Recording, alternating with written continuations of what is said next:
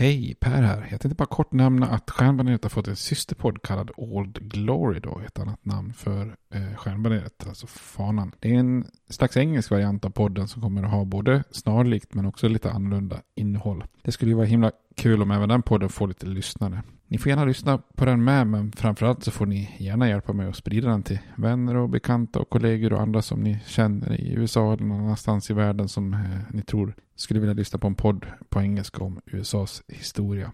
Tack, det var bara det jag ville säga. Nu kommer avsnittet. Hej då! Hej, det är Ryan Reynolds jag är här med Keith, co-star of my upcoming film If, only in theaters May 17th. Do you want to tell people the big news? All right, I'll do it. Sign up now and you'll get unlimited for $15 a month in six months of Paramount Plus Essential Plan on us. Mintmobile.com slash switch. Upfront payment of $45 equivalent to $15 per month. Unlimited over 40 gigabytes per month. Face lower speeds. Videos at 480p. Active Mint customers by 531.24 get six months of Paramount Plus Essential Plan. Auto renews after six months. Offer ends May 31st, 2024. Separate Paramount Plus registration required. Terms and conditions apply if rated PG. Life is full of what ifs. Some awesome. Like what if AI could fold your laundry? And some, well, less awesome. Like what if you have unexpected medical costs? United Healthcare can help get you covered with Health Protector Guard fixed indemnity insurance plans. They supplement your primary plan to help you manage out of pocket costs. No deductibles, no enrollment periods, and especially no more what ifs. Visit uh1.com to find the Health Protector Guard plan for you.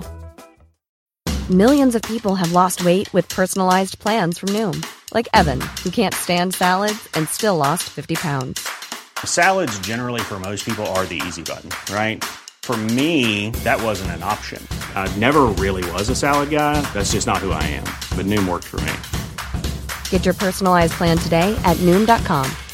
Real Noom user compensated to provide their story. In four weeks, the typical Noom user can expect to lose one to two pounds per week. Individual results may vary.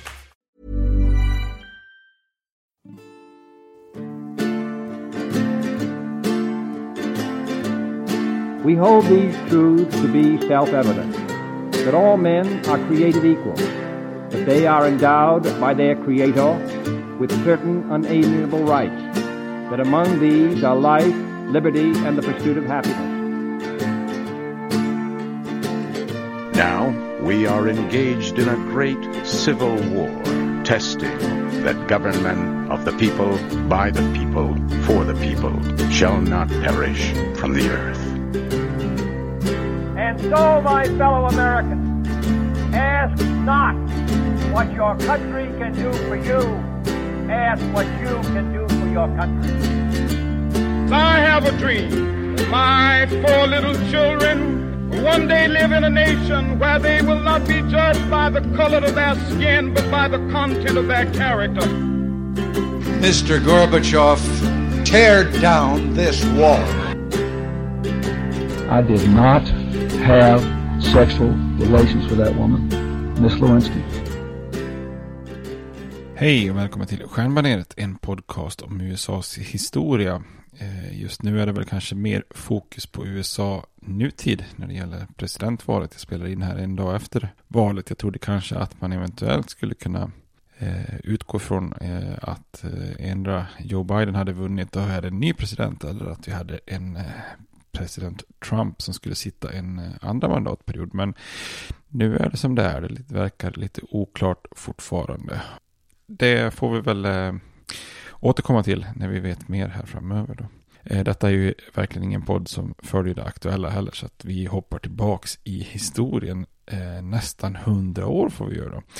Eh, Jag tänkte fortsätta den översiktsserien och eh, där är vi ju på 30-talet numera då. Vi har ju sett hur USA efter den här stora börskraschen 1929 gått in i den här riktigt djupa mörka depressionen då. Eh, som kort och gott bara kallas för eh, den stora depressionen, the great depression. Och som vi såg i förra avsnittet så är det ju verkligen många som lider av fattigdom och hunger och, och hemlöshet och så vidare. Och eh, president under depressionens första år är ju Herbert Hoover och eh, under den här perioden så är det ju så att det uppstår väldigt mycket nya smeknamn på saker uppkallade efter president Hoover då när hemlösa ska sova och, och dra dagstidningen över sig som täcke så brukar man då kalla dem för Hoover blankets. Eh, de typer av kåkstäder och sånt där man försöker eh, hitta provisoriska skydd för regn och, och eh, lite tak över huvudet och laga mat i plåtburkar genom att elda i oljetunnor och sånt där. De får ju det lite cyniska namnet då Hoover Wills. Om någon vände in och ut på fickorna för att visa att man inte hade några pengar så brukar man då säga att det var att man flaggade med Hoover flags. Eh, och när man försöker dra runt på landsbygden men inte kan betala för sig och åka därför liksom eh, tjuvliftar eller tjuvåker på godståg så brukar man säga då att man åker en Hoover Pullman med referens då till eh, de här Pullman-vagnarna som var de här lite mer exklusiva tågvagnarna. Jag tror jag nämnde dem i, i något tidigare avsnitt när vi pratade om järnvägarnas framfart och transsibiriska, eller inte transsibiriska, eh, eh transkontinentala järnvägen.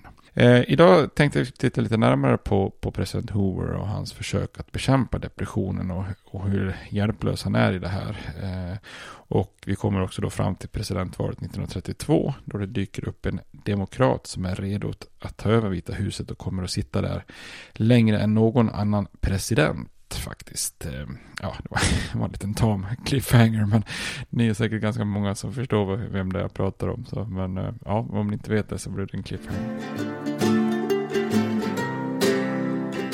Innan dess då så eh, fortsätter jag mina öltips här. Vi har snart faktiskt gått igenom nästan alla Eh, stilar utav ale förutom eh, några specialvarianter, lite belgiska här. Men förra året, eller förra avsnittet så sa jag att eh, ni kunde försöka, eller att ni skulle testa då en eh, mild ale av något slag. Och, och mild, eh, mild ale är en, en brittisk typ av ale med väldigt lång historia. Eh, därmed där är det också lite dunkelt lite exakt vad som menades med mild ale när den uppstod redan på 1600 och 1700-talet. En tes var ju att det var en, en ganska mild öl då Eh, som såldes nybryggt och, och färskt. Då, vilket gjorde den liksom, då mildare och därav namnet. Då. Eh, och att den då stod i kontrast till den öl som lagrades lite längre och blev lite syrligare. och som kallas för Old Ale. Eh, och eh, dessutom var den då svagare än, än, än, den andra typen av lite starkare färsk öl som heter Strong Ale. Så att man skilde, på Old Ale som den lagrade ölen och bland den färska ölen så skilde man på Mild Ale som den milda och Strong Ale som den starkare. Eh, så det här är på många sätt en, en, en typ av, ska man säga, svagare version av en Brown Ale som är ganska populärt idag då, alltså brunt i färgen och Eh, och den här svagheten gör att en mild ska ligga runt kanske 3-4% alkohol, absolut inget mer. Så att eh, det ska vara ett lättdrucket öl. Eh, väldigt maltigt öl då, där malten eh, får vara liksom det, den verkliga smakgivaren då. Med mycket toner då, så bröd, sirap, torkad frukt, aningen lättrostat då som det blir när man har eh, maltsorter som, som gör ölen brun. Och innan lagen slog igenom så var, och även innan bitten slog igenom så var ju mild en, en väldigt klassisk engelsk puböl då. Och eftersom den var söt och, och, och, och, så, så fick den ju den, den lite ljusare och bäskare stilen som vi har pratat om tidigare då i form av Pale Ale. Den fick ju då helt enkelt sitt smeknamn Bitter då. Eh, och, och en Bitter var ju då liksom ett ljusare alternativ till till pubens Mild helt enkelt. Då. Och, eh, och Mild var ju då liksom en, en av de riktiga stapelölen i Storbritannien. Men började tappa mark under 1900-talet då mot just bitter ale och sen då lager. Och därmed höll det också liksom lite grann på att dö ut då. Men som, med så många andra stilar så har ju mycket hantverksbryggerier och så här återupptagit de här historiska varianterna då för att få en bredd i sitt sortiment. Och, och precis som Brown Ale så är den väldigt populär i just mellersta England. Då. Det finns inte jättemånga att få tag på så, men eh, eh, det finns en eh, ganska ny brittisk som man kan få tag på nu som heter Ruby Mild. Eh, och sen så kan man försöka få tag på någon svensk variant om, om det görs då. Just nu finns, har Oceanbryggeriet en Mild och Nynäshamn har haft en eh, Pumpviken påsköl så den kan man också testa. Då. Annars kan man köpa en brownie, det är ungefär samma, lite samma sak fast lite starkare. Nästa eh, avsnitt tänkte jag vi skulle prata om den lite spännande ale-varianten, också brittisk från början, eh, som heter Barley Wine. Eh, och ni kan försöka få tag på någon Fullers Golden Pride eller Thomas Hardys Barley Wine.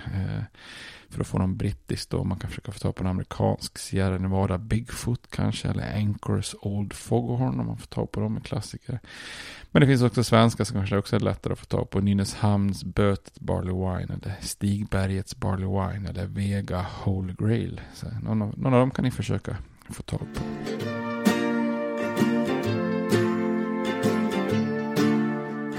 Går vi tillbaka och tittar lite grann då. Vi sa Herbert Hoover var president och som jag nämnde i något tidigare avsnitt så är det ju sällan som någon har kommit till Vita huset med så enormt gott rykte och så bra eh, erfarenheter och, och, förutsättningar för att kunna bli en lyckad president. Han ansågs ju både välutbildad, eh, modern på många sätt. Eh, han hade dessutom erfarenhet av just krissituationer Eh, och hade ju enligt många då räddat både Belgien och, och delvis Ryssland från svält då när han var chef för det amerikanska Relief Administration-programmet då som under slutet av första världskriget verkligen då försåg många länder i Europa med, med spannmål och, och, och mat så att säga som producerades i USA.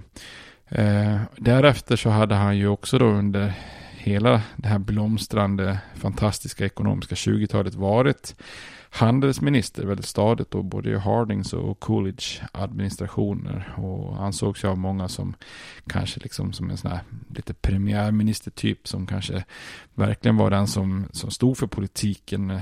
Även om det var en president som liksom frontade administrationen så var det Hoover och, och finansminister Mello och andra bakom som kanske var de starka männen då. Eh, så när Herbert Hoover flyttade in i Vita huset i mars 1929 så trodde ju han som många, som precis som många andra amerikaner, att framtiden såg väldigt ljus ut för både honom själv och landet. Och, Eh, och första halvåret fortsatte politiken eh, som vanligt och eh, Hoover för den här republikanska traditionen från Harding och Coolidge vidare då. Eh, och innan då börskraschen och depressionen dyker upp så, så försöker han också ta tag i vissa uppenbara problem i, i ekonomin som han ser då, så att han är lite klarsynt där att vissa saker kanske behöver justeras till då så att säga. Eh, och det fanns en grupp som inte hade fått tagit del av det här glada 20-talet i lika stor utsträckning som många andra då om man tittar på jordbrukarna.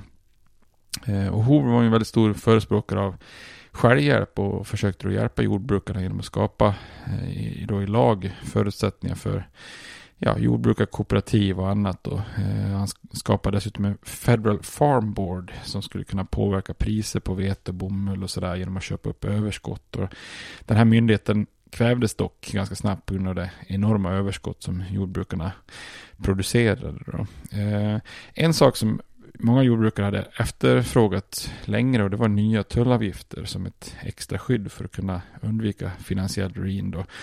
Och under presidentkampanjen hade Hoover som rent politiskt var lite av en, eh, av en amatör, även om han var extremt god administratör, lovat att kalla samman kongressen i en så kallad eh, specialsittning då för att eh, göra mindre revideringar av landets tullar.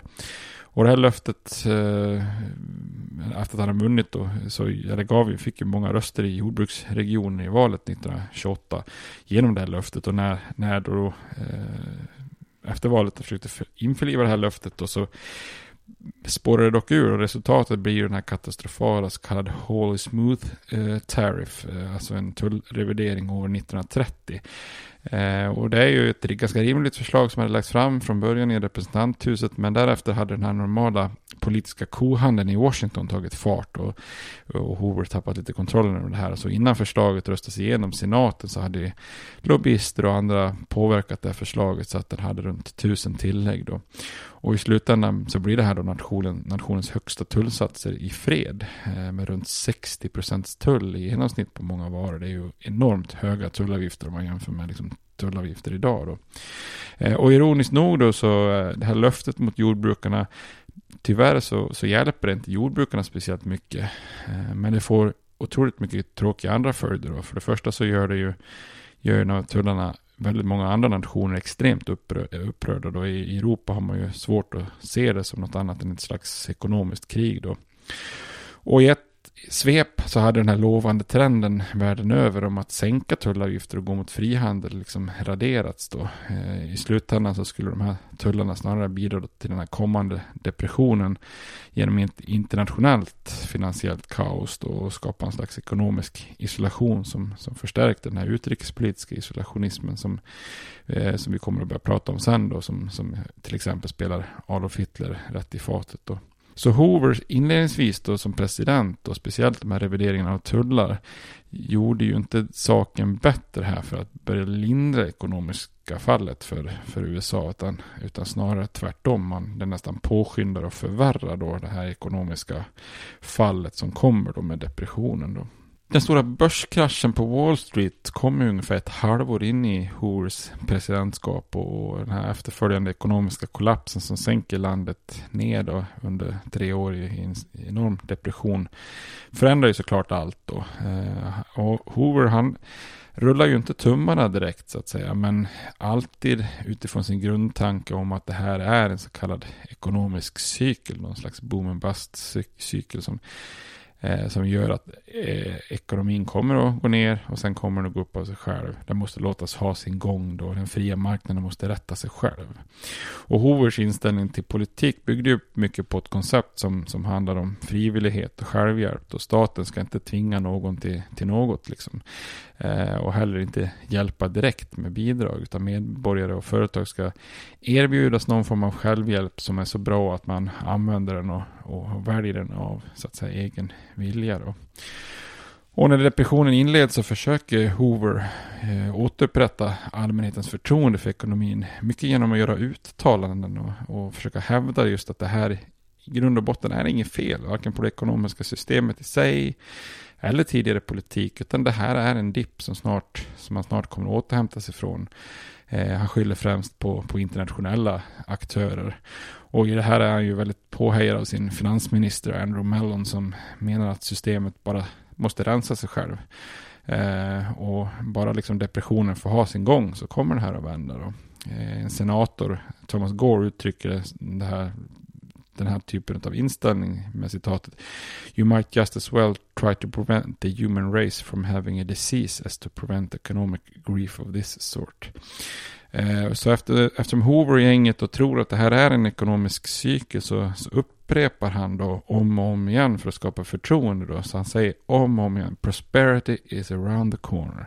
Prosperity is around the corner. Hela tiden så tror han att man är på väg, det är på väg att vända och man kommer komma upp i det här. Han tror att det här kommer att liksom självreglera sig eftersom det är ju den erfarenheten man har tidigare att ekonomin går i cykler och, och eh, nu ibland kommer det liksom en liten nedgång där ekonomin renar sig själv och sen så återgår allting till det normala igen då. Eh, men hans de här upprepade och lite djärva uttalanden om att ekonomisk återhämtning finns eh, ja, runt hörnet då som man säger bokstavligt talat. De blir ju liksom lite mer cyniska över tid och väcker ju allt mer misstro när, när depressionen bara blir värre och värre. Så eh, när man har en president som hela tiden säger att ah, men nu är det snart bättre och så väntar man en liten stund, då är det värre. Och då säger presidenten, nej men nu är det snart bättre. Och så blir det värre. Ja, då urholkar ju förtroendet ganska mycket då. Eh, Hoover är ju dock inte, alltså han är ju inte, en, han är inte korkad liksom. Han är inte blind för hur samtiden ser ut och han är inte heller ovillig att vidta åtgärder. Då. Men mycket av de här åtgärderna bygger på hans liksom grundläggande filosofi om frivillighet och självhjälp och sådär. Så han bjuder in väldigt mycket företagsledare och fackliga ledare, ledare för jordbruksorganisationer och så vidare till Vita huset och har lite samtal med dem då. Och i de här samtalen så uppmanar han dem då att försöka implementera frivilliga samarbetskoncept där liksom företagsledare tar på sig att inte minska produktionen och inte säga upp arbetare medan facken lovar att inte kräva saker som högre löner eller kortare arbetstider och så vidare. Men depressionen hade ju blivit så illa att alla förutsättningar för sådana här frivilliga åtgärder var ju lite dömda att misslyckas bara veckor efter samtalen. Så, så kanske det var så illa så att företagen, trots att de lovat att försöka så behövde man kanske säga upp folk och så vidare. Då. Eh, och Hoover väljer ju, när det, när det blir eh, tufft för folk, så väljer han att främst lita på delstatliga och lokala system för att hjälpa befolkningen. Då. Eh, och så har det ju alltid varit i USA fram till den här tiden, att det är ju dels på delstatsnivå eller lokala nivå, county, städer och så vidare, som ansvaret för fattighjälp har funnits. Det har ju inte varit en federal fråga på något vis. Och han har också en stark tro till att de här frivilliginsatserna och eh, ska hjälpa då. Han uppmanar privat välgörenhet att förse arbetslösa och, och, andra lidande, hungriga, fattiga amerikaner med mat och kläder då. Så att om man säger soppkök och brödköer där kyrkan och lokala organisationer hjälper till, det är Hoovers eh, melodi då. Men problemet är ju omfattningen då på arbetslösheten och, och hungern. Att den omfattningen är ju så enorm att delstaterna och de här lokala organisationerna räcker ju inte till. Eh, men när deras resurser var slut så vägrar Hoover utifrån den här filosofin att gå in med federala resurser. Eh, så när Hoover inte agerar kraftfullt med federal hjälp så uppstår det då brister i, i, i vad man kan göra på, på delstatsnivå. Då. Här kan man ju faktiskt ja, dra en parallell till man tittar på stormen Katrina, där liksom delstaten Louisiana och staden New Orleans, de klarade inte katastrofen. Och behövde ju egentligen federal hjälp och här gick ju inte George W. Bush in. Eh, alltså han gick in, agerade lite sent tyckte mycket, många och, och det här gjorde ju liksom att han fick mycket kritik. Sen finns det en massa andra eh, aspekter av det här också. Så att, så, men det finns en, en tydlig parallell mellan, mellan Bush och Hoover i, i det här läget.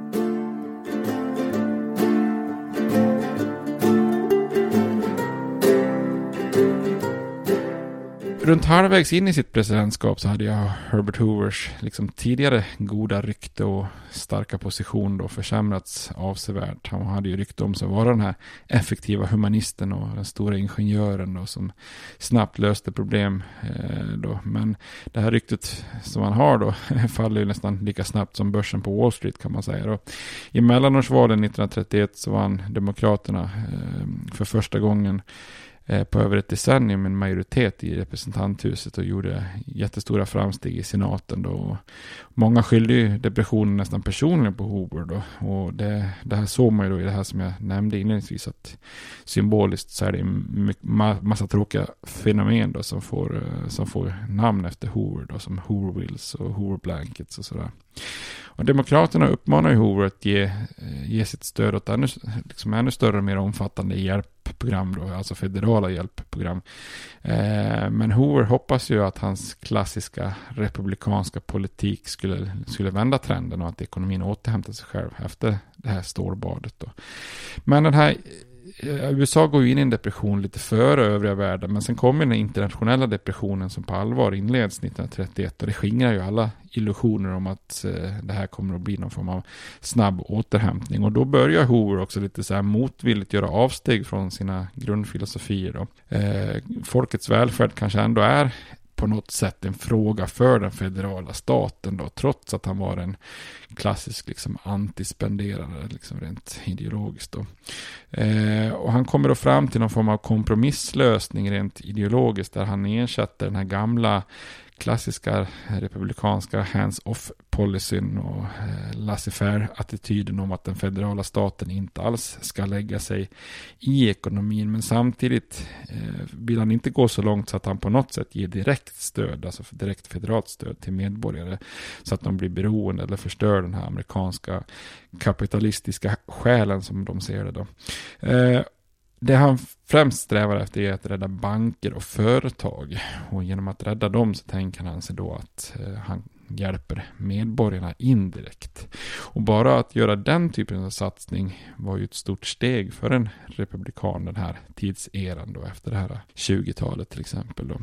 Eh, han ber då kongressen att öka summan för federalt, federala offentliga byggprojekt med hela 423 miljoner dollar då som var en enorm summa vid den här tiden som, som saknar motstycke i, i historien då.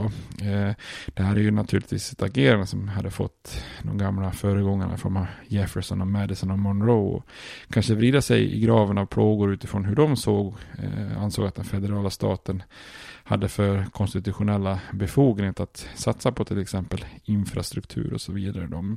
Och ett av de här projekten han ger stöd, ger stöd till Eh, exempelvis den enormt stora damm som skulle få hans eh, namn, då, Hoover Dam. Eh, det är ju en gigantisk damm längs Coloradofloden som visserligen hade godkänts under Coolidge och Eh, och som färdigställts under Roosevelt men som då blir finansierat eh, av Hoover här då. Via den här dammen så skapar man en stor konstgjord sjö kan man säga som används för konstbevattning och flodkontroll och elektronisk kraft och så vidare. Ganska imponerande. Man kan söka på bilder på den här Hoover-dammen då. Eh, så Hoover och hans administration eh, gav ju då liksom indirekt hjälp till många då. Och det gör de även till arbetarna och facken då. Så efter lite stormiga debatter i kongressen så går, får man igenom den så kallade Norris-LaGuardia-lagen 1932 eh, som gjorde antifackliga kontrakt, så kallade Yellow Dog-kontrakt, illegala och förbjöd federala domstolar att, att utföra domstolsförläggande mot strejkare och bojkotter. Så att han eh, försöker liksom gör, ta små, små steg för att eh, påverka situationen. Eh, 1931 så går Hoover också med på att stödja ett antal förslag som var tänkta att rädda banker och finansiella institutioner. Så att det i förlängningen då skulle hindra människor från att bli av med sina hem då. Och den viktigaste lagen blir etablerande av någonting som heter Reconstruction Finance Corporation, RFC då, en myndighet som skulle kunna ge federala lån till banker och järnvägar och företag och så vidare då. Och här kan man fundera på vad det är för typ av ekonomi. Alltså på många sätt är ju Hoovers polit politik här ett slags första försök till en sån där så kallad trickle down filosofi eh, som bland annat då används sen på 80-talet av, av, Reagan då. Eh, så det är, det är det jag kanske upprepar ibland men dåligt envishet men de flesta sakerna som äger rum idag i USA och eh, på senare tid i USA är inte unik utan det är första gången i historien kanske ligger långt tillbaks då. Det har jag nämnt många gånger då. Eh, så att eh, Hoovers liksom filosofi här på den här trickle down är ju att kunde bara liksom hårt pressade banker och företag och jordbrukskooperativ hjälpas i toppen så skulle hjälpen då indirekt sippra ner och nå botten som en slags eh, vad ska man säga, hink med hål i där vattnet rinner sakta neråt. Och, eh, och till skillnad från tidigare åtgärder gavs myndighet, myndigheten och den här RFC då en budget på flera miljarder. Eh, men i sammanhanget var det ju ändå alldeles förskräckligt otillräckligt. Eh, eh, och myndigheten vände sig enligt Hoovers instruktioner dessutom främst till större aktörer och aktörer som ändå såg ut att kunna komma på fötter så att man inte slösar medel i onödan då. Eh, och i depressionens USA så är det för lite hjälp. För lite hjälp till för få och det kommer för sent. och ibland har man då kallat hela den här myndigheten RFC för Million Dollar Soup Kitchen då utifrån hans filosofi. Eh, så, så de här federala satsningarna eh, hjälper ju inte liksom riktigt på helheten. De är inte ens i närheten av att kunna liksom på något vis vända den här stora depressionen. Då. Och i takt med att depressionen börjar nå sitt lågvattenmärke 1933 så blir också Hoover allt mer ovillig att använda mer statliga medel. Han börjar istället oroa sig eh, klassiskt då för att han måste få den federala budgeten balanserad och inte gå med, med minus. Då. Eh, så trots höga röster från Demokraterna och många andra så vägrar Hoover att spendera en enda dollar i direkta bidrag till, till arbetslösa amerikaner. Och, eh, presidenten såg sådana förslag som vad han sa då, a raid upon the treasury. Alltså, enligt Hoover hade staten ingen som helst skyldighet gentemot arbetslösa individer och, och eventuella bidrag skulle bara skapa beroenden och, och inte jobb då. Och, eh, och, och, dessutom då att, att budgeten inte får gå, gå med minus såklart. Då.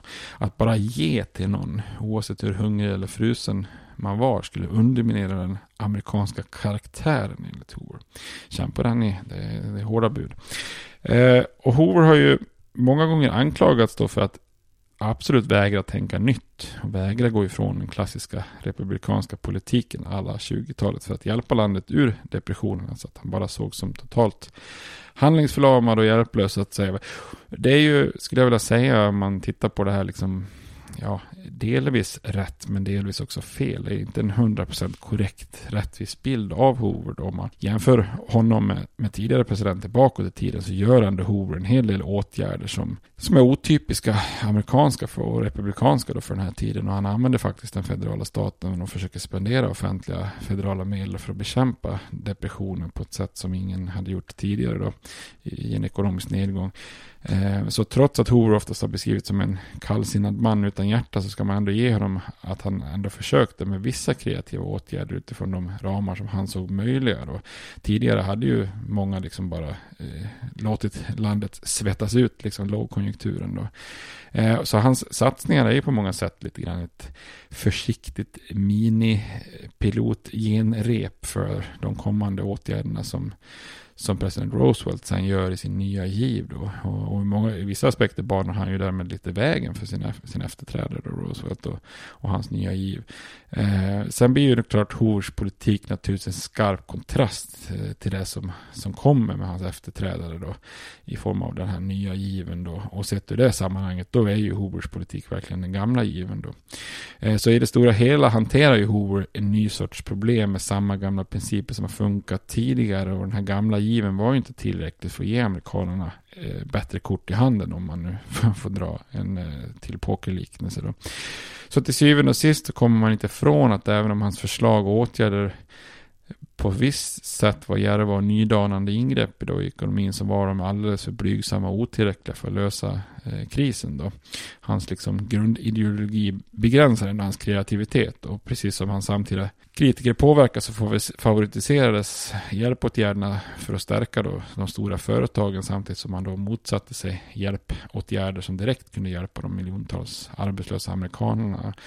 Och, och tanken om det här med trickle down ekonomi är ju på många sätt var ju lika usel då som senare, det vill säga det, det sipprar inte ner i den omfattningen som man, man kanske tror, utan det, det gynnar alltid den som ligger längre upp i, i pyramiden som får, eh, om man gör liknelsen med hinken så är det alltid de som ligger längst upp i hinken som får mest. Så, eh, så Hoover är ju ändå alltså, står ju ändå lite hjälplös inför uppgiften och hans eh, försök var alldeles för tama för att kunna rå på depressionen då. Och det här med att han vägrar ge direkt stöd till människor som är hungriga och hemlösa blir ju problematiskt ur ett humant perspektiv. Eh, och det här gör ju att Hoover många gånger listas som en av landets värsta presidenter. Han spär på det med lite otajmade skämt och annat som, som kanske blir, eh, som eh, det skrattet fastnar lite grann i halsen också. Så att det här, det här gör ju också liksom att eh, bilden av Hoover som, liten, som en kall person som inte bryr sig om människor, den är ju liksom också delvis rätt. Eh, och i takt med eh, Hoovers liksom hjälplöshet för de, mot depressionen och hans misslyckande om att vända det här så dalar ju hans rykten då.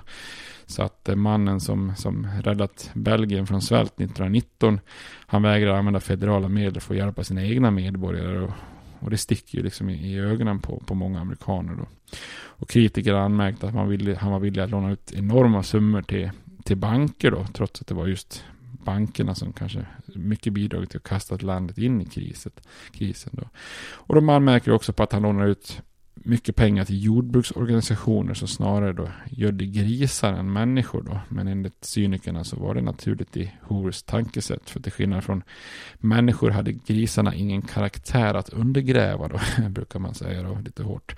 Eh, för, och det var ju det Hoover ville, ville inte undergräva den här själen med att få bidrag då så att säga. Eh, ett tecken på, på att Hoover eh, Hovers liksom, eh, rykte dalar är ju att även i hans samtid så kritiseras han ju inom det egna partiet och, och även bland många företagsledare och det är lätt att glömma också då. Eh, enligt en historia ska ju Hover ha frågat sin finansminister Mellon då han säger så här, can you lend me a nickel to call a friend? Varpå Mellon ska ha svarat, here's a dime, call all of them. lite, ja, lite kaxigt. Så.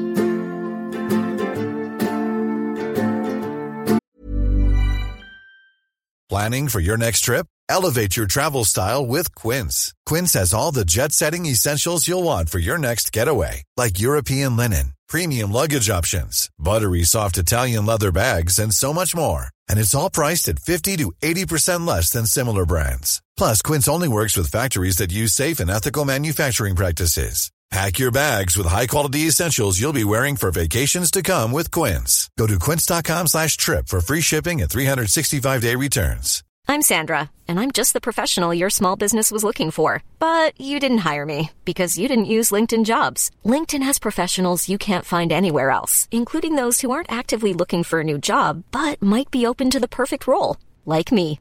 In a given month, over 70% of LinkedIn users don't visit other leading job sites. So if you're not looking on LinkedIn, you'll miss out on great candidates like Sandra. Start hiring professionals like a professional. Post your free job on linkedin.com/people today.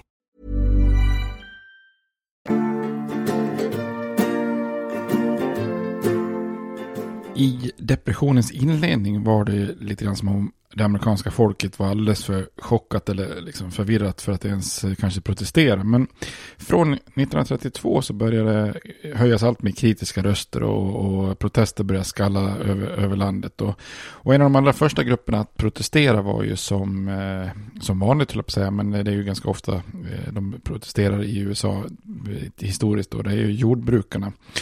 Eh, sommaren 1932 så samlas många av dem i Des Moines i Iowa. Eh, alltså eh, majsodlingarnas moderskepp kan man kanske kalla Iowa för. Eh, och där bildar man en ny organisation som ställer sig bakom åtgärden att hålla alla jordbruks produkter borta från marknaden. En slags eh, bonde, eh, bondestrejk eller bonde-output-strejk helt, helt enkelt. Eh, och även om den här eh, organisationen spreds i flera regioner så lyckas man till slut inte få med sig tillräckligt många jordbrukare för att göra någon större skillnad. Då.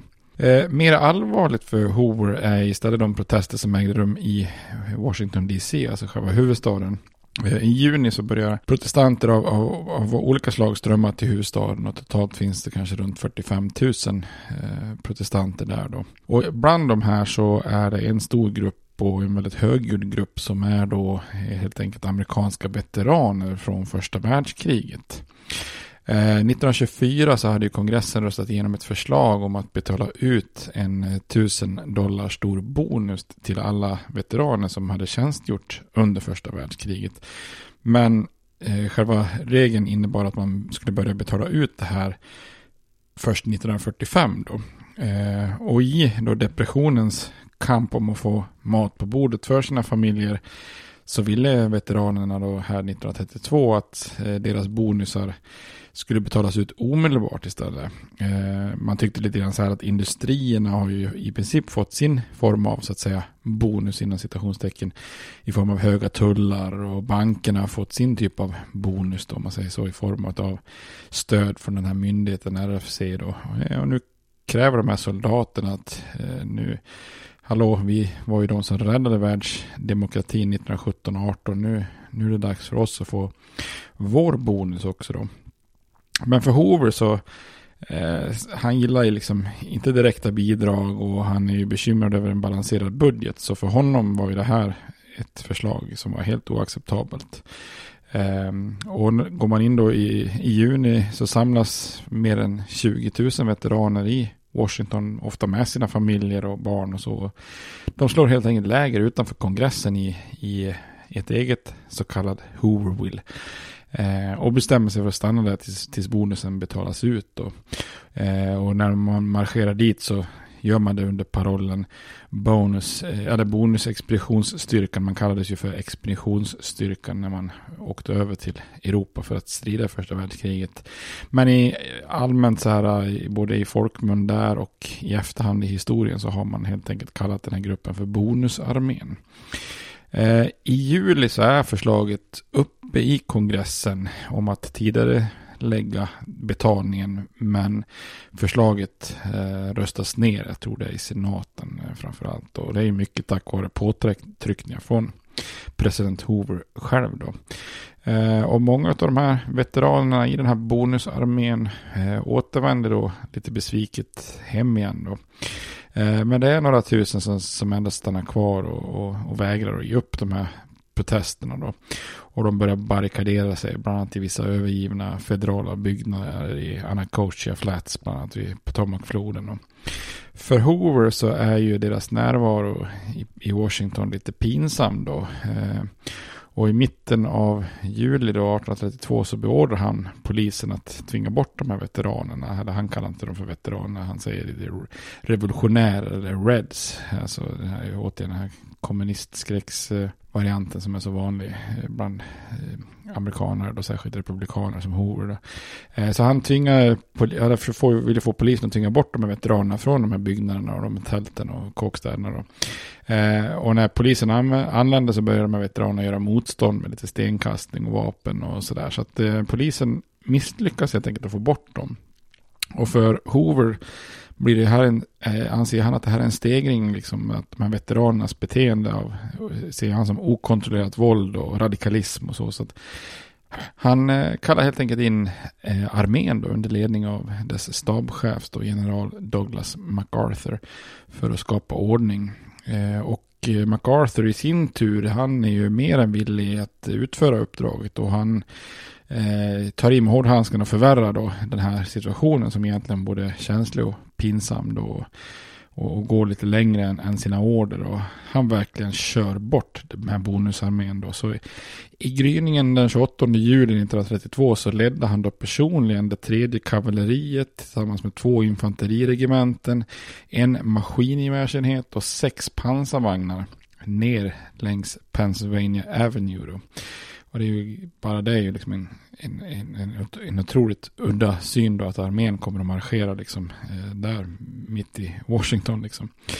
Och utsatta då för tårgas och bajonetter och sådär så tvingas ju de här veteranerna i, i, i den så kallade bonusarmén då fly hals över huvudet då med de reguljära trupperna efter sig. Och MacArthur förföljer dem och trakasserar dem hela vägen över Potomacfloden och ut ur huvudstaden och bränner, bränner ner deras tält. Då. Och i det här tumultet så är det mer än hundra veteraner som skadas och två vuxna dödas till slut. Och det som då får mest publicitet och, och är värst då är att en 11 månader gammal bebis dör i sviterna efter att ha utsatts för tårgas. Och den här lilla bebisen blir ju då snabbt kallad för bonus, bonus baby. Och vissa soldater då, de, de drabbas ju liksom nästan värre av den här Eh, striden än, än vad de har gjort under kriget i Europa 1918. Och här kan man ju verkligen prata om det här med att ta till samma verktyg som sina föregångare. För tidigare presidenter har ju gjort samma sak. Så fort en stor strejk eller någonting har spårat ur så har man ju kallat in armén för att bringa ordning då. Men nu är ju tiderna lite annorlunda, syftet är lite annorlunda och Hoover har inte riktigt insett detta. Så för många Många amerikaner var ju fullständig chock här. Alltså landets president har alltså bussat armén på sina egna medarbetare, eller medborgare då. Och inte bara det då, eh, alltså man har använt den vanliga reguljära armén på veteraner som just har tjänstgjort för landet och varit eh, då militära hjältar 1917.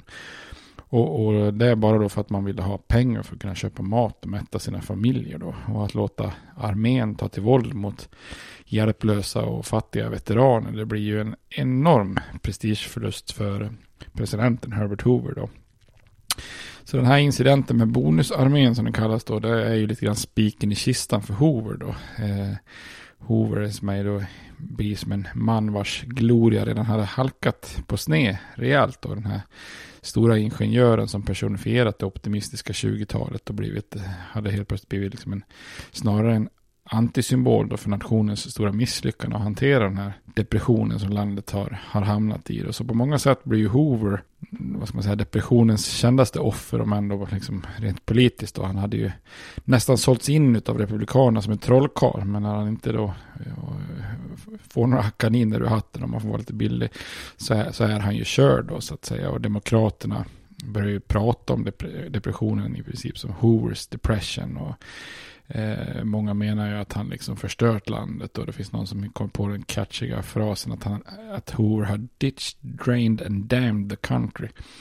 Eh, och här, här man, kan man ju också sätta saker i perspektiv att antagligen så var ju depressionen så stor och så allvarlig så att vilken president som helst som hade tagit över makten 1928 hade ju antagligen kanske då blivit ett offer för, för depressionen. Men, eh, men nu, nu blev ju Hoover liksom symbolen då. Så landet är ju i behov här och redo för en ny ledare.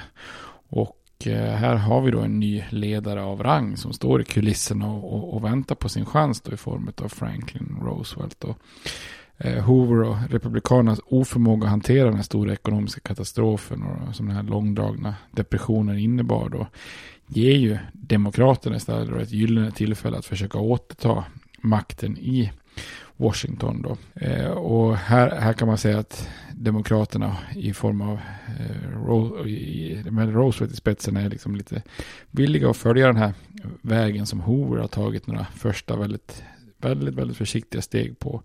Men istället löpa linan ut och, och verkligen börja använda den federala staten och, och ge direkt federal hjälp till behövande medborgare. Då. Så att eh, här, här kommer ju då eh, Franklin Delano Roosevelt in i, in i bilden och vi får titta lite grann hur det går till när han blir president här. Så vi är framme vid valet 1932 då, eller presidentvalet 1932.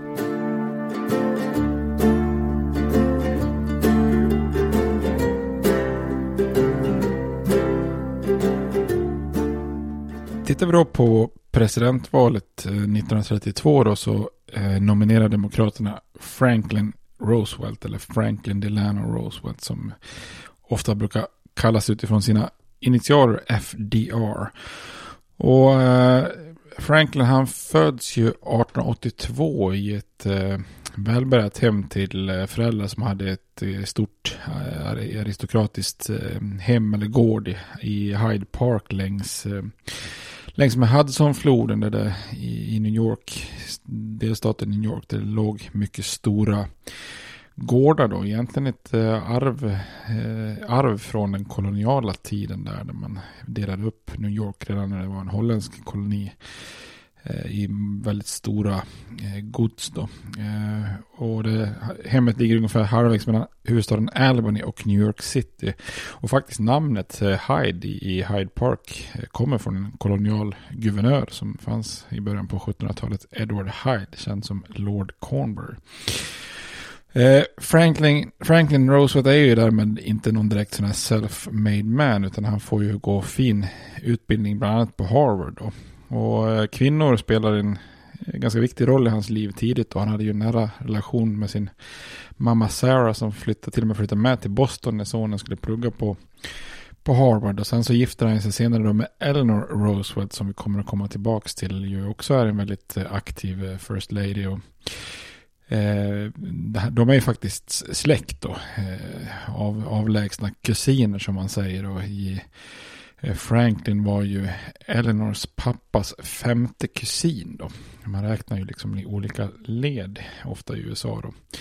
Så att eh, de var faktiskt båda släkt i nedstigande led från en eh, snubbe som heter Nicholas Roosevelt som var son till en immigrant från Nederländerna som bosatte sig i New York City redan på den tiden när det var en nederländsk koloni då som hette New Amsterdam.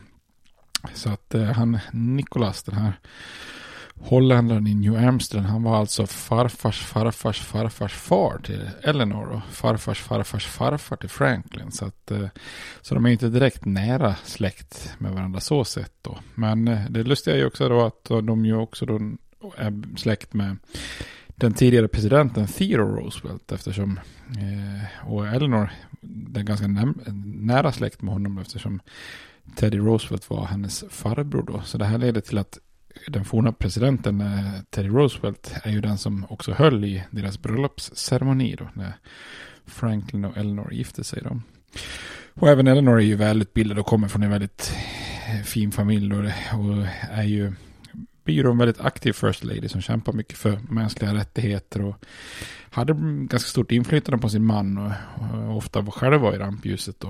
Eh, sen hade de ju lite frostigt i och med att 1918 så upptäckte hon att Franklin hade en affär med hennes eh, sekreterare Lucy Mercer där. Och, men de valde att fortfarande vara gifta då så att säga. Men efter den stunden så levde de kanske lite mer separerade eller kanske lite mer som politiska partners snarare liksom än ett eh, äkta par då. Eh, Franklin han gör ju tidigt politisk karriär. Under första världskriget så är han ju assisterande marinminister. Eh, 1920 så ställer han upp som vicepresidentkandidat för det demokratiska partiet i presidentvalet tillsammans med presidentkandidaten James Cox från eh, Ohio. Då. Men de förlorar ju som vi pratade om för något avsnitt sen då mot Warren Harding och hans vicepresident Calvin Coolidge som sen då blev president också. Eh, året efter att han ställer upp i, som vicepresident så blir det ju lite av hans värsta i, i livet då och innebär ju en väldigt svår personlighetskris då när eh, Franklin drabbas av sjukdomen polio 39 år gammal. Och det här resulterar då i att han blir förlamad i båda benen och i resten av sitt liv så skulle han ju behöva hjälp med att komma ur sängen, klä på sig, stå upp. Eh, ja, i praktiken så är han ju då eh, rullstolsbunden. Och här hade ju hans politiska karriär naturligtvis kunnat ta slut då, men Roosevelt han kämpar väldigt hårt med sin rehabilitering och är väldigt målmedveten. Och han, han förstod att han, det är ingen som kommer att ta honom seriöst om han inte kunde liksom på något vis stå upp. Så han lär sig liksom att gå med kryckor och med skenor på benen så att han han liksom kan mer eller mindre imitera gång eller liksom korta distanser att ta sig fram genom att liksom sving, svänga med höfterna fram och tillbaka. Så, och därmed så, så flyttar han benen då. Men för att kunna göra det så behöver han ju också hålla hårt i ofta då någon annan person som han går bredvid då. Eh, samtidigt gjorde det också att han tränade väldigt mycket på liksom ett karismatiskt leende, att gestikulera, prata liksom med händer och armar och på olika sätt liksom ta bort fokus från nederdelen av sin, sin kropp då egentligen. Och Roosevelt utvecklade också en oerhört stark och liksom karismatisk personlighet. Då. han träffade ju sen under andra världskriget Winston Churchill ett antal gånger. Och Churchill jämförde första tillfället man träffar Roosevelt med första gången som man öppnar en, en flaska champagne. Och det tänker jag mig är ett eh, minst sagt bra betyg från någon som Churchill. Då. Eh, själv så eh, menar han ju att det är den här erfarenheten med att få polio och rehabilitera sig så mycket så att han kan göra comeback då eh, är det som gör honom till den här starka och optimistiska personen som han var då. För han uttrycker ungefär så här då att har man gått ifrån att behöva kämpa för att ens kunna vifta lite på tårna så verkar liksom allt annat i livet enklare. Eller? Eh, och Eleanor har ju också beskrivit något liknande. Eh, där hon menar att han, eh, han, såg, han såg genuint rädd ut när han fick polio. Men från den dagen när han hade tagit sig igenom polio och gjorde comeback så eh, såg, honom, såg hon aldrig en rädsla någon mer, någon mer, någonsin mer hos honom. Då. Så han får en slags, liksom, han är inte rädd för något, han skyr inte att han är liksom en otroligt optimistisk eh, person som, som tror på sig själv. Då. Och det här är också intressant, alltså det här med Franklins sätt att vända en fysisk svaghet till styrka. Eh, och det har ju, därför har ju liksom mycket paralleller med, med Franklins eh, släkting och tidigare president Teddy Roosevelt om ni minns. Han var ju ganska svag och liten som ung med dålig syn och ofta sjuk. Men han gjorde likadant, han gav sig ju fram på att han skulle liksom nå framgång och tränade upp sig tills han till och med fick en god fysik. Då. Lite grann, även om det är på två helt olika plan så så här är det liksom en slags målmedvetenhet som går igen i både Franklin och Teddy Roosevelt. Eh, och just det här att behöva hantera sitt handikapp, gjorde också att Roosevelt utvecklade eh, en sympati eh, för människor som hade, hade det tufft. För under sin långa återhämtning och rehabilitering så mötte han ju många, om man säger citationstecken vanliga människor då, i form av sjuksköterskor och vårdhavare och annat och så vidare. Eh, dessutom bjöd ju frun Eleanor hem väldigt mycket feministiska vänner under den här perioden som, som också påverkar honom. Då. En av dem var ju Frances Perkins som sen kommer att bli Roosevelts arbetsmarknadsminister och den första kvinnliga ministern någonsin i USA. Så eh, 1928, Eh, då efter ungefär sju år, så hade Roosevelt återhämtat sig så mycket att han återigen ville ge sig in i politiken. Då ställde han upp i New Yorks guvernörsval. Då. Eh, och Roosevelt förstår ju att om pressen börjar måla upp honom som, eller ge en bild av honom som en slags rullstolsbunden invalid så skulle han ju kunna glömma en fortsatt politisk karriär. Så han jobbar väldigt hårt för att ha journalisterna på sin sida då. Så han odlar relationen då. Om de är snälla mot, mot eh, honom så är, så är han snäll mot dem då. Eh, så bara under hans första mandatperiod som president så höll han ju eh, ungefär 300 informella pressträffar. Liksom. Och det som är speciellt för den här tiden då, som aldrig hade gått idag, det är ju att pressen eh, också därefter respekterade hans sjukdom och handikapp. Och eh, de varken frågar om det eller tar kort på honom när han till exempel hjälps upp för trappor eller in och ut ur bilar eller stunder när han sitter i rullstolen då. Eh, så mellan åren 1929 och 45 då, eh, som han är president, eh, eller i polit, liksom inte president, men i det politiska rampljuset så publicerade inte en enda journalist en enda osmickrande bild eller historia om hans fysiska problem. Och det här blir ju extremt konstigt då, för det gjorde ju att de flesta amerikaner inte ens visste att deras president satt i rullstol. Så det är ju helt, eh, helt otroligt egentligen. Det, det hade ju inte överhuvudtaget fungerat eh, i vår tid. Och här kan man jämföra med typ när George Bush eh, senior då, pappa Bush, han, han spydde ju en gång och, och, och svimmade ju nästan under en diplomatmiddag i, i Japan 1992 då. Eh, han hade ju bland annat spelat tennis tidigare under dagen tror jag mot kejsaren eller, eller vem det nu var.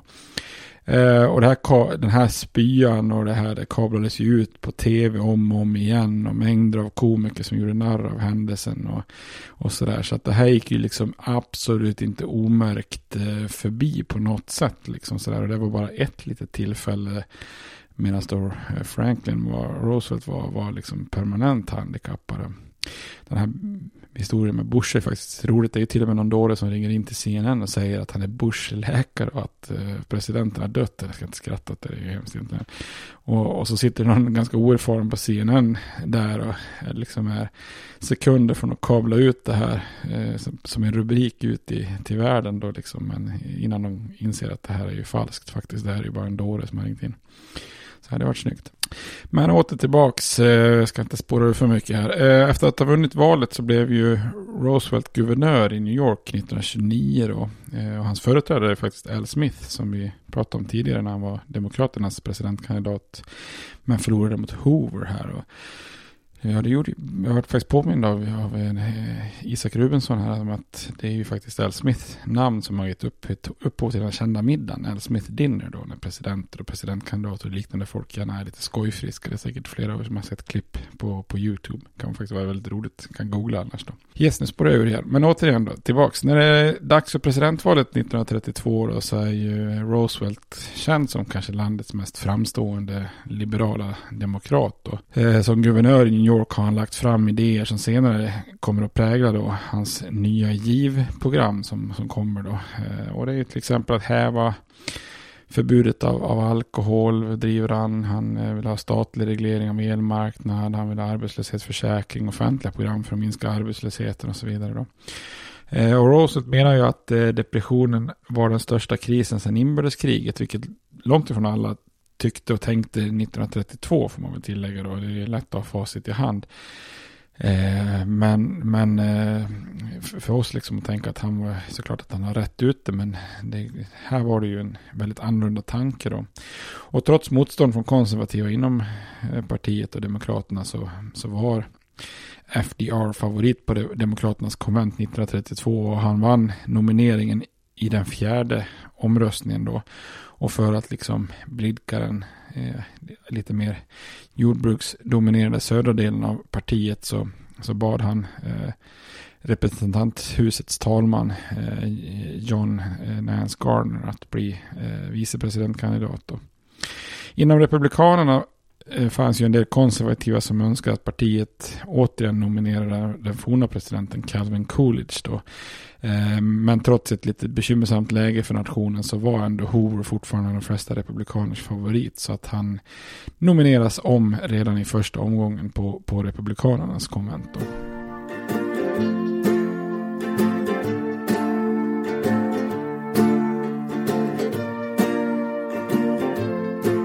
Och själva valet 1932 då, så eh, efter att Roosevelt nomineras till Demokraternas presidentkandidat och på sommaren 32 så pratar han om att återuppbygga ekonomin från botten upp genom att hjälpa det han kallar the forgotten man. Och det är den här liksom, politiska begreppet som många presidentkandidater har kommit tillbaka till. Då, the, the forgotten man eller the silent majority och olika begrepp. Då det, både Nixon och Trump har ju använt liknande till exempel. Och han förespråkar då federala åtgärder för att se till att inkomster och välfärd fördelas mer rättvist. Då. Eh, till skillnad från den klassiskt republikanska Hoover och hans liksom passivitet mot folket så menar ju Roosevelt att de arbetslösa inte är några slöfockar och, utan liksom offer för krafter som ligger långt bortanför individerna själva att på, påverka. Då. Och han uppmanar både delstater och den federala staten att skapa hjälpprogram för att låta arbetslösa jobba på offentliga projekt. Samtidigt som man då införde arbetslöshetsförsäkringar och pensioner för äldre och liknande. Då.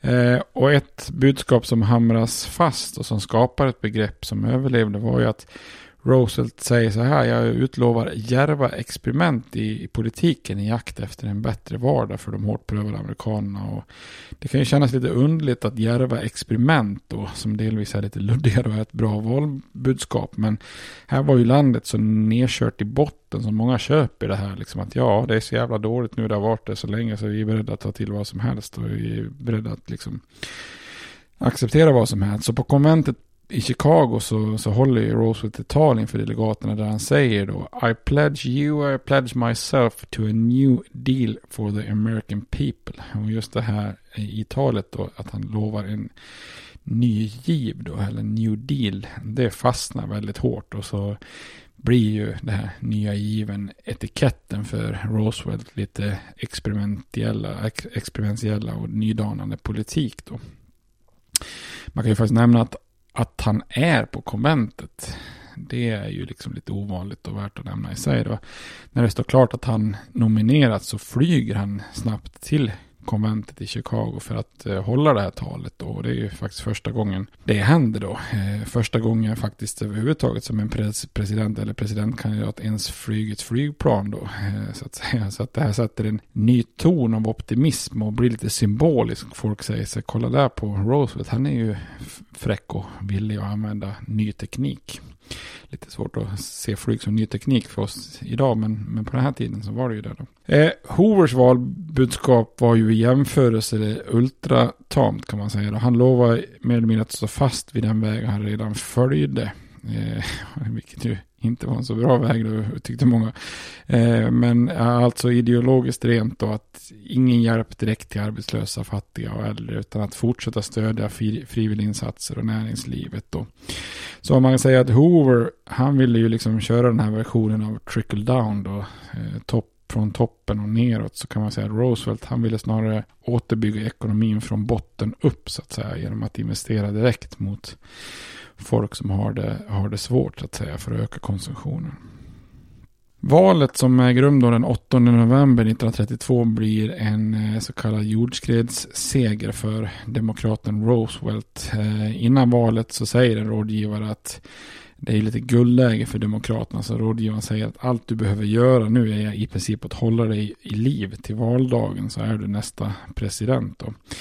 Eh, och Roosevelt vinner nästan 58 procent av rösterna eh, totalt då i nationen. Och eh, eh, när man översätter det här i elektorskollegiet så blir det 472 mot 59. Så att eh, Roosevelt vinner samtliga delstater utom sex då. Eh, det republikanska 20-talet är ju också ett minne blott efter det här valet. För det här valet blir verkligen en demokratisk eh, total knockout-seger i kongressen. Då det är liksom knockout efter fem sekunder i första ronden kan man säga. Representanthuset kontrollerar Demokraterna med 310 ledamöter mot 170 19. Eh, och senaten kontrollerar man då med 60 ledamöter, ledamöter mot 35. Så att det här är ju inte någon litet, eh, liten majoritet. Eh, så.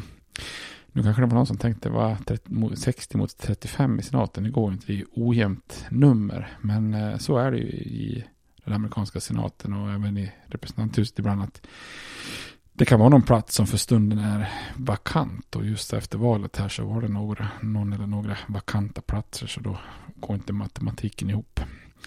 Eh, eh återigen en parentes. Eh, eh, valet av Roosevelt gav ju många, man säger hopp om bättring. Men ingen egentligen omedelbar hjälp då. Eh, därför att Roosevelt ska ju tillträda först i mars. Eh, det här är sista gången det sker då. Eh, för efter det här så kommer det ett tillägg i konstitutionen, det 20 tillägget. Där man flyttar tillträdesdatumet från den 4 mars till den 20 januari. Så att man så att säga kan tillträda lite snabbare efter valet. Eh, det hade ju behövts 1933 kan man säga med facit i hand. Då, men eh, det är sista gången som det är den här långa fördröjningen. Det, det lades ju in från början i konstitutionen därför att rent praktiskt var det ju helt omöjligt för en presidentkandidat som vann i november att hinna fixa allting och hinna resa och, ta sig till Washington och skapa sin, sin administration då. Så att med ökad kommunikation och eh, infrastruktur så så kan man ju tillträda snabbare och därför byter man då från mars till januari. Då. Men under den här tiden eh, så är ju Hoover en så kallad lame duck, en lam anka som man säger. Eh, och det kallar man ju då, en president kallas ju för den här förlamade ankan då, under de här månaderna som inträffar från det att en annan president valts då. Alltså att man har en president elect tills dess att man lämnar över. Och det kan ju bero på att man har förlorat valet eller att man inte ställer upp. Eller att man har suttit två perioder och inte, inte kan numera. Då. På den här tiden fanns det inte sån begränsning. Och under de här vintermånaderna 18, äh, 1932 till 33 så är det ju liksom då eh, körs ju verkligen landet ännu mer i botten då. Det är under de här vintermånaderna som den här fruktansvärda torkan förvandlar stora delar av västen till det här Dust Bowl som vi pratade om tidigare som försvårar enormt för jordbrukare där. Då. Och det är nu som de här jordbrukarna i Iowa genomför sina protester. Eh, och det är under den här perioden uppstår det våld vid flera tillfällen när boende på landsbygden ska vräkas från sina gårdar när de inte kan betala sina lån. Då.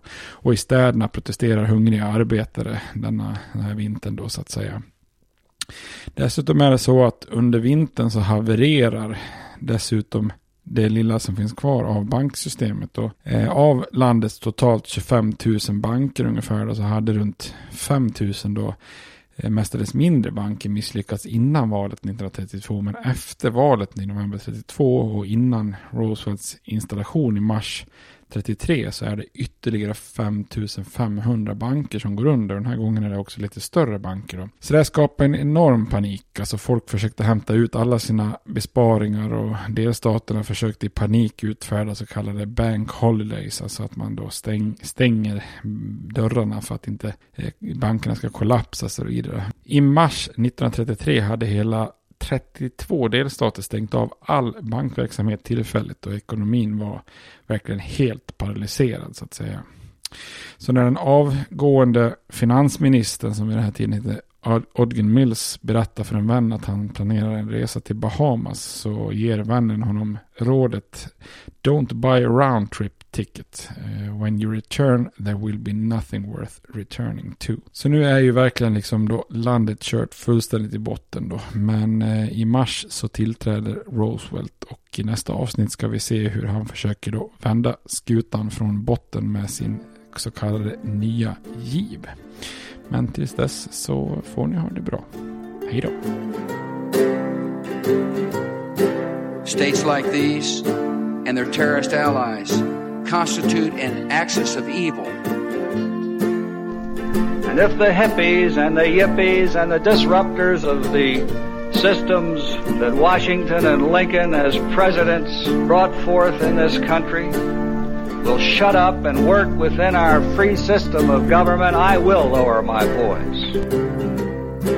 If the impeachment provision in the Constitution of the United States will not reach the offenses charged here, then perhaps that 18th century Constitution should be abandoned to a 20th century paper shredder. Therefore, I shall resign the presidency effective at noon tomorrow.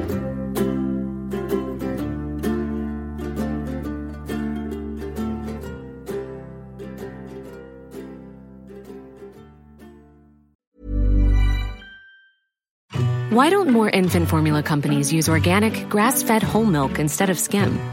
Why don't more infant formula companies use the latest breast milk science? Why don't more infant formula companies run their own clinical trials?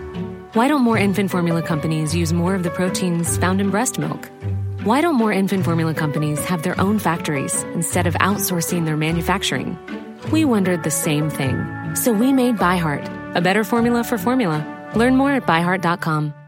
Planning for your next trip? Elevate your travel style with Quince. Quince has all the jet setting essentials you'll want for your next getaway, like European linen, premium luggage options, buttery soft Italian leather bags, and so much more. And it's all priced at 50 to 80% less than similar brands. Plus, Quince only works with factories that use safe and ethical manufacturing practices. Pack your bags with high-quality essentials you'll be wearing for vacations to come with Quince. Go to quince.com slash trip for free shipping and 365-day returns. Hi, I'm Daniel, founder of Pretty Litter. Cats and cat owners deserve better than any old-fashioned litter. That's why I teamed up with scientists and veterinarians to create Pretty Litter. Its innovative crystal formula has superior odor control and weighs up to 80% less than clay litter. Pretty Litter even monitors health by changing colors to help detect early signs of potential illness. It's the world's smartest kitty litter. Go to prettylitter.com and use code ACAST for 20% off your first order and a free cat toy. Terms and conditions apply. See site for details.